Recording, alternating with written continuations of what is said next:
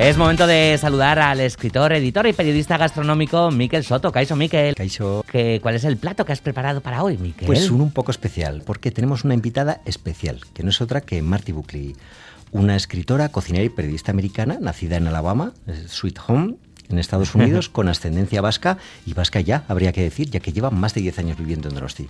Vale, y que además acaba de publicar La cocina vasca con Planeta Gastro, ¿verdad, Miquel? Pues sí, y es de eso de lo que vamos a hablar con ella, porque ha hecho un libro estupendo.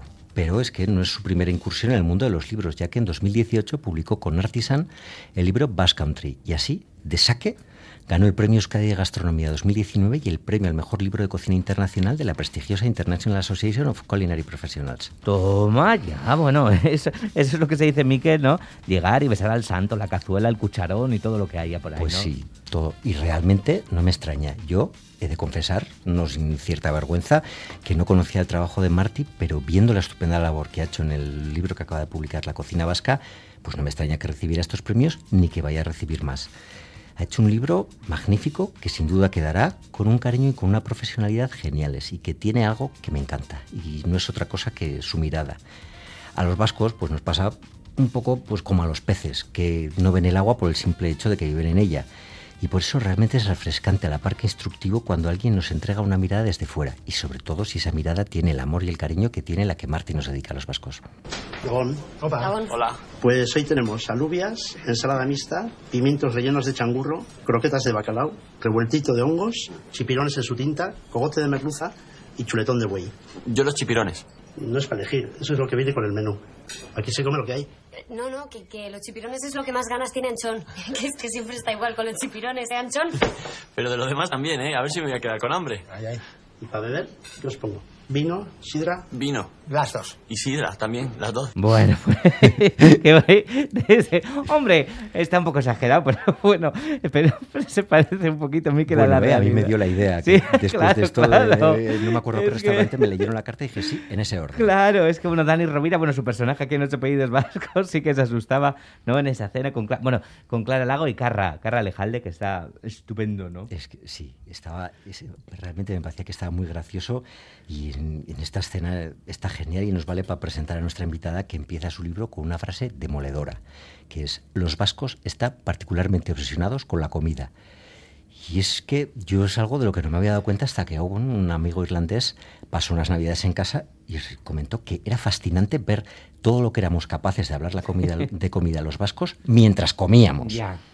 Sí, así que me parece que no puede haber mejor comienzo para un libro de gastronomía vasca porque significa claramente que la autora no se ha observado bien a los vascos antes de ponerse a escribir sobre gastronomía, que es de lo que queremos hablar con ella, con Marty Buckley. Marty Buckley, un placer. Hola. Oye, por lo que sabemos de ti, tú también hubieras, eh, te hubieras quedado con los chipirones en principio, ¿no, Marty?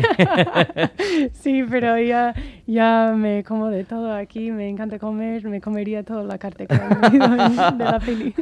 bueno, Marty, como decía Miquel, ¿no? Que, que eres eh, súper observadora. Eh, ¿Realmente los vascos y vascas eh, estamos tan obsesionados con la comida? Pues sí, eh, es una de las cosas que más me llamó la atención al llegar, era eso, que lo que habéis comentado, que se habla de la comida eh, desde la mañana, durante la comida, durante la cena, o sea, todo el rato. Sí, sí. A ver, como decía, el libro es una maravilla tanto en su, real- en su realización como en su edición y producción. Está cuidado hasta el máximo de los detalles y se agradece todo. Entre otras cosas, yo creo que la ambición. Es claramente un libro de gastronomía, la mayor parte del libro son sus recetas, pero pues Martí también has entrado a narrar y a explicar la cultura vasca, toda ella, su lengua, sus todos sus territorios, sus costumbres. Y es que, como comentábamos, estando tan presente la comida en todo lo que hacemos, yo creo que querías ofrecer un poco la experiencia completa, ¿no? Sí, eso es. Yo tenía claro desde el momento uno que no podía ser una- un libro de solo recetas, sino de todo lo que va alrededor, porque es tan importante el vínculo entre pues chipirones en su tinta, tinta con el mar y el, pesca, es- el que pesca, ¿no?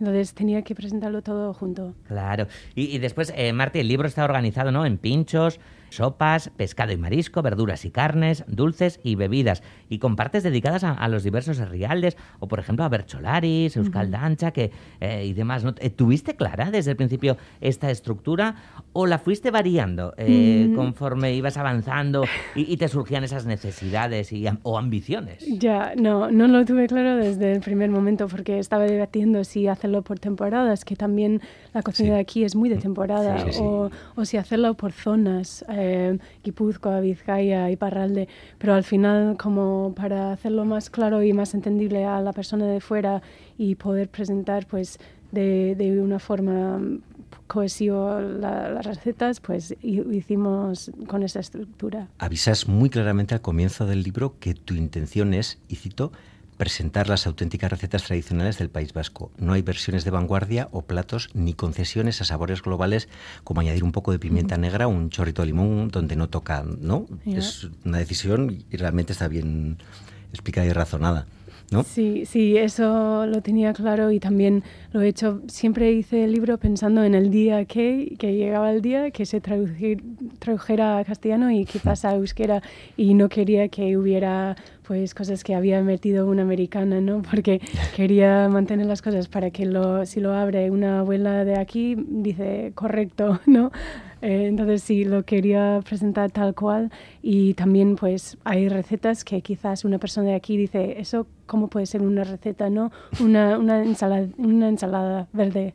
O sea, ¿para qué poner una receta? Pero eh, yo creo que para una persona incluso de Madrid o Cataluña no saben que aquí es ese tipo de lechuga, un poco de cebolla cortado fino y vinagre de manzana, ¿no? Cosas tan sencillas tienen sus, sus cosas como muy específicas y por eso he incluido de todo. ¿Se lo has enseñado ya alguna abuela de aquí, por cierto, Martín? a mí me han enseñado. Ah, yo digo el libro, ¿eh? Ah, vale, ah, claro, a ti sí, vale, vale. vale, No, todo, todavía, pero sí me llegan comentarios de por ahí y, y hasta ahora bien. Bueno. Eh, planteas eh, un mapa muy claro, ¿no? De, de, los valores culinarios vascos, ¿no? El producto, eh, la estacionalidad, la importancia de la textura, ese poliqui poliqui, ¿no? Tan nuestro. defines claramente nuestra cocina como rústica más que refinada. Pero después eh, terminas con un gran aviso eh, a navegantes, Marty. Sencillo no es sinónimo de fácil. Eh, ¿Cuesta cogerle el truco a la cocina vasca viniendo de, de otras gastronomías? Hombre, sí, yo creo que sí. No es como hacer eh, training para ser un máster de sushi de Japón, es diferente, ¿no? Eh, una de las últimas recetas que hice, que probé, porque yo cociné todas las recetas eh, sacando medidas y tiempos y todo para hacer el libro, y una de las últimas que dejé para lo último era la chuleta porque me pareció la receta más difícil del libro, te lo juro. porque son las cosas sencillas, el corte, tipo de carne, cuándo echar el sal y era todo como una polémica todo, entonces era la receta que más difícil me pareció. Qué bueno. Y lo es, ¿eh? Realmente eh, em, nos invitaron a, en Del Basque Culinary Center y la gente de Tolosa al, al, festival de carne que haces y en una de las preguntas, no recuerdo a qué parrillero, le dije, y no me acuerdo que estaba preguntando, me dijo, y bueno, yo he aprendido a base de estropear muchos estómagos, de hacer muchas chuletas malas hasta aprender cómo, cómo hay que hacer, sí. sí. Como decía, la edición está cuidada hasta en los mínimos detalles y yo creo que el libro hace un gran compendio de la cultura gastronómica vasca.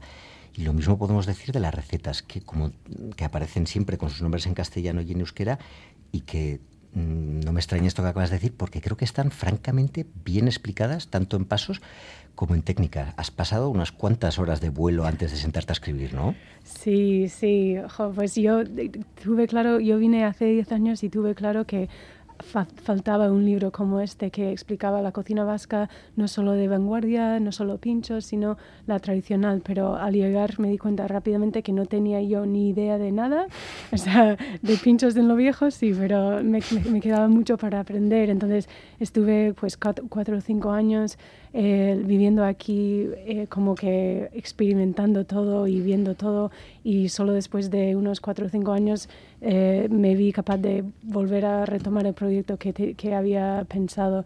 Entonces, sí, muchos años de probar y de estar aquí y luego, claro, los tres, cuatro años que estuve haciendo el libro. Mm. Damos, somos, damos mucho la caca con las cosas, quiero decir, eh, me hace mucha siempre, gracia siempre, yo qué sé, por ejemplo, en la gastronomía italiana, da igual quién esté cocinando, lo que haga, al final terminan con un, bueno, como la nona no lo haces o no sale igual o hay que hacerlo ¿Damos mucho la brasa con, con, eso de no tienes que hacerlo así o ten cuidado con?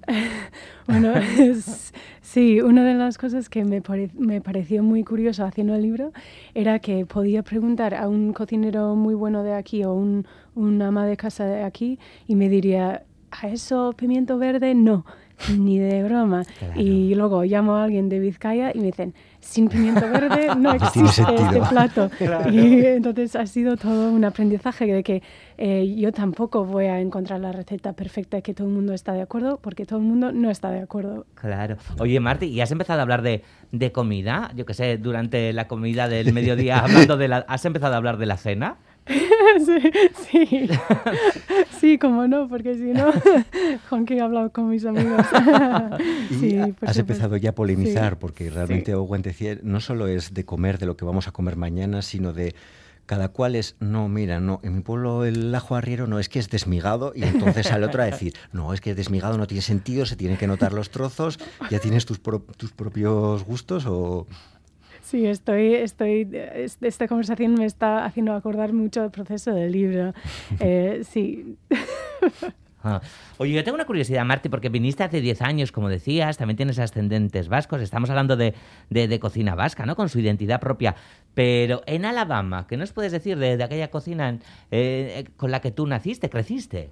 Pues os puedo decir que eh, la mayoría de la gente de aquí no tiene ni idea de la cocina de Alabama y que es tiene mucha riqueza. Mm. Eh, es, me encanta explicar la comida de allí a la gente de aquí porque creen que es pues la típica comida fast food de los Estados Unidos, hamburguesas, pizza tal, pero en realidad tenemos pues eh, productos desconocidos aquí como el okra, que es una hortaliza em, que se usa en guisos, luego black eyed peas, que no es solo un grupo de música, sino un, una, un legumbre.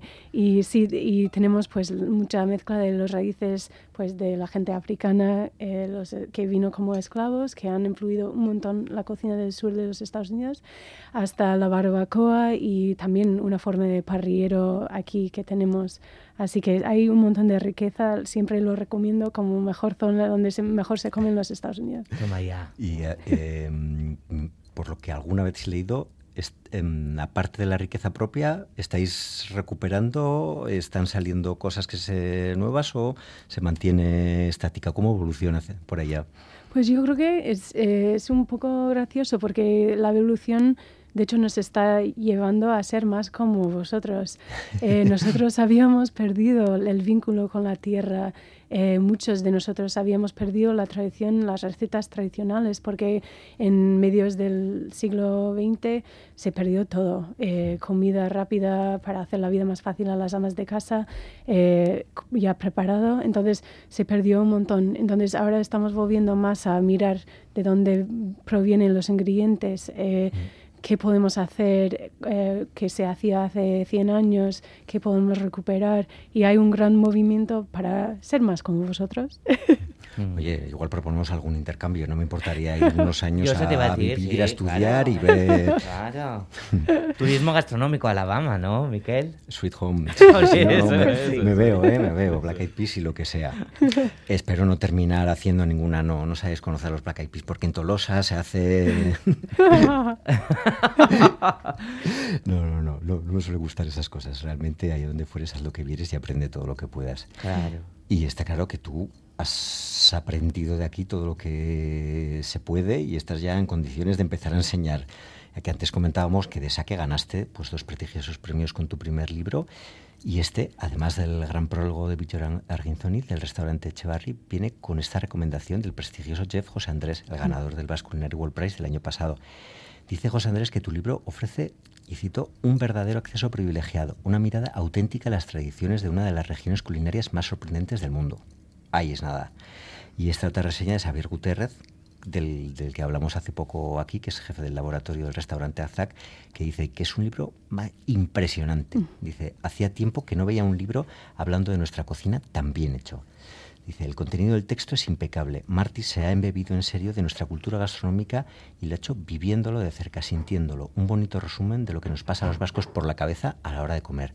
Vaya esto, no sé si se puede pedir mejores padrinos ni mejores recomendaciones, ¿no? No, cuando llegaron esas citas, esas, eh, me, bueno, me puso a llorar, la verdad, porque eso, las noches, los fines de semana, todo cuando estaba haciendo el libro, viajando hasta Iparralde, eh, cocinando miles de bacalaos en mi casa a las 12 de la noche, eso no me esperaba nunca y es súper rato ver que que se ha recibido bien y que hijo, también que la gente aquí no se ha enfadado, ¿no? Porque reconozco que soy de fuera, pero también soy un, un, gran amante de la cocina de aquí, de la gente, del idioma, de la cultura y embajadora también cuando me voy de aquí eh, igual demasiado buena embajadora y, lleno al, País Vasco con, con, gente extranjera, no sé, pero soy la, la mayor amante de este sitio. Mm. Bueno, nosotros a veces también, no te creas, ¿eh? necesitamos de embajadores. Parece que algunas de las cosas hemos aprendido a,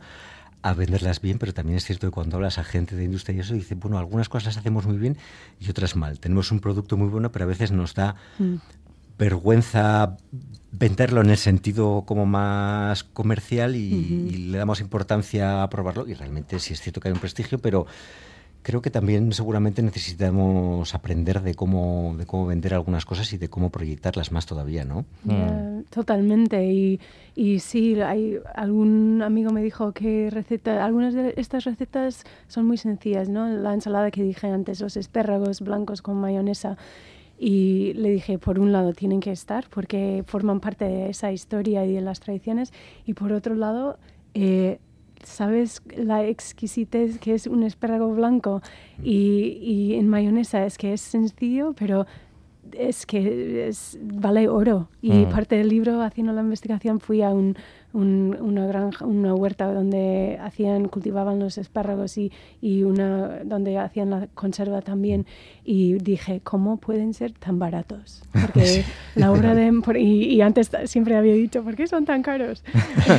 Pero la, obra de mano y la artesanía que hay allí es increíble. Y sí, hay que, hay que incluirlo, hay que venderlo o simplemente explicarlo, porque no hace falta vender algo que se vende solo. Martí, tiene, tiene Miquel preparadas unas preguntas para ti, así preguntas, digamos, breves, ¿no, Miquel? Por supuesto, de gastronomía, ¿vale, Martí? Así que si estás preparada, Miquel, no te quedes con la curiosidad. No, no, nos dejamos muchas cosas en el tintero, ¿eh? realmente se puede estar hablando horas, pero pues sí quería hacer unas preguntas rápidas, de, porque sí, pues a la gente le, le, valen y tengo ciertas curiosidades yo también, no te las voy a negar.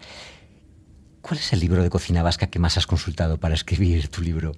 Buah, he, leído todos, pero uno que me ha servido mucho, pues La cocina vasca, la clásica de Ana Calera, y también los libros de José Castillo y José María Busca y Susi.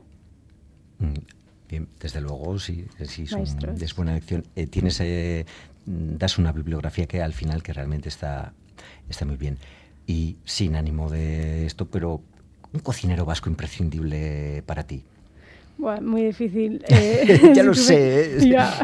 Eh, no sé, desde Arzac lo que hizo para la nueva cocina eh, hasta José Ramón Elisando lo que hizo para el pincho, como abuelos ¿no? de todo lo que está pasando aquí ahora.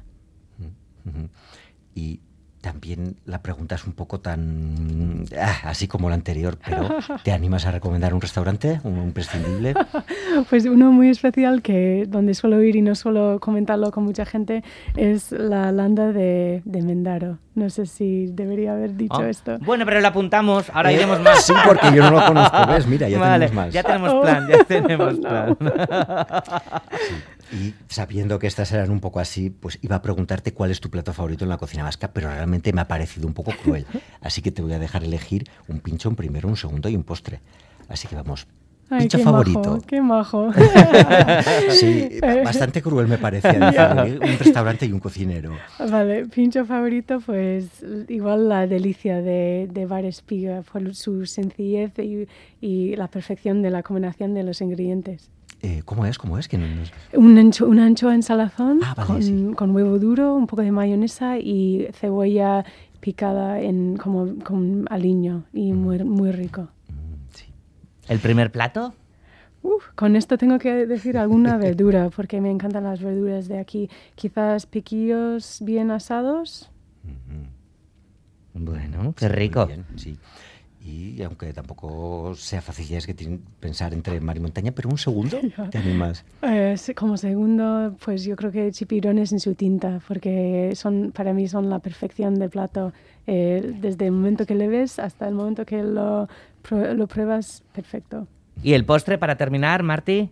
Pues pastel vasco. Ah, es, lo más vasco, pero es realmente lo que me, qué bueno. gusta. Bueno, Marty Buckley presentando el libro La cocina vasca que acaba de publicar con Planeta Gastro. Marty, ha sido un placer enorme tenerte en el programa. Igualmente. Es que ricasco. y es que eh, y es que ricasco a ti, Miquel, porque ha sido tú quien la ha traído. Sí, no, pero es que realmente vi esto y les dije a los de Planeta Gas, oye, puede, se puede. Realmente me parecía un, lujo poder tenerla, como es un lujo el libro. Lo tengo delante y la edición y todo es realmente está hecho con muchísimo cariño. Qué bien, bueno. Eh, como lo haces tú también aquí, cada semana, Miquel, da arte, besar cada andibat. Vale, mi es que...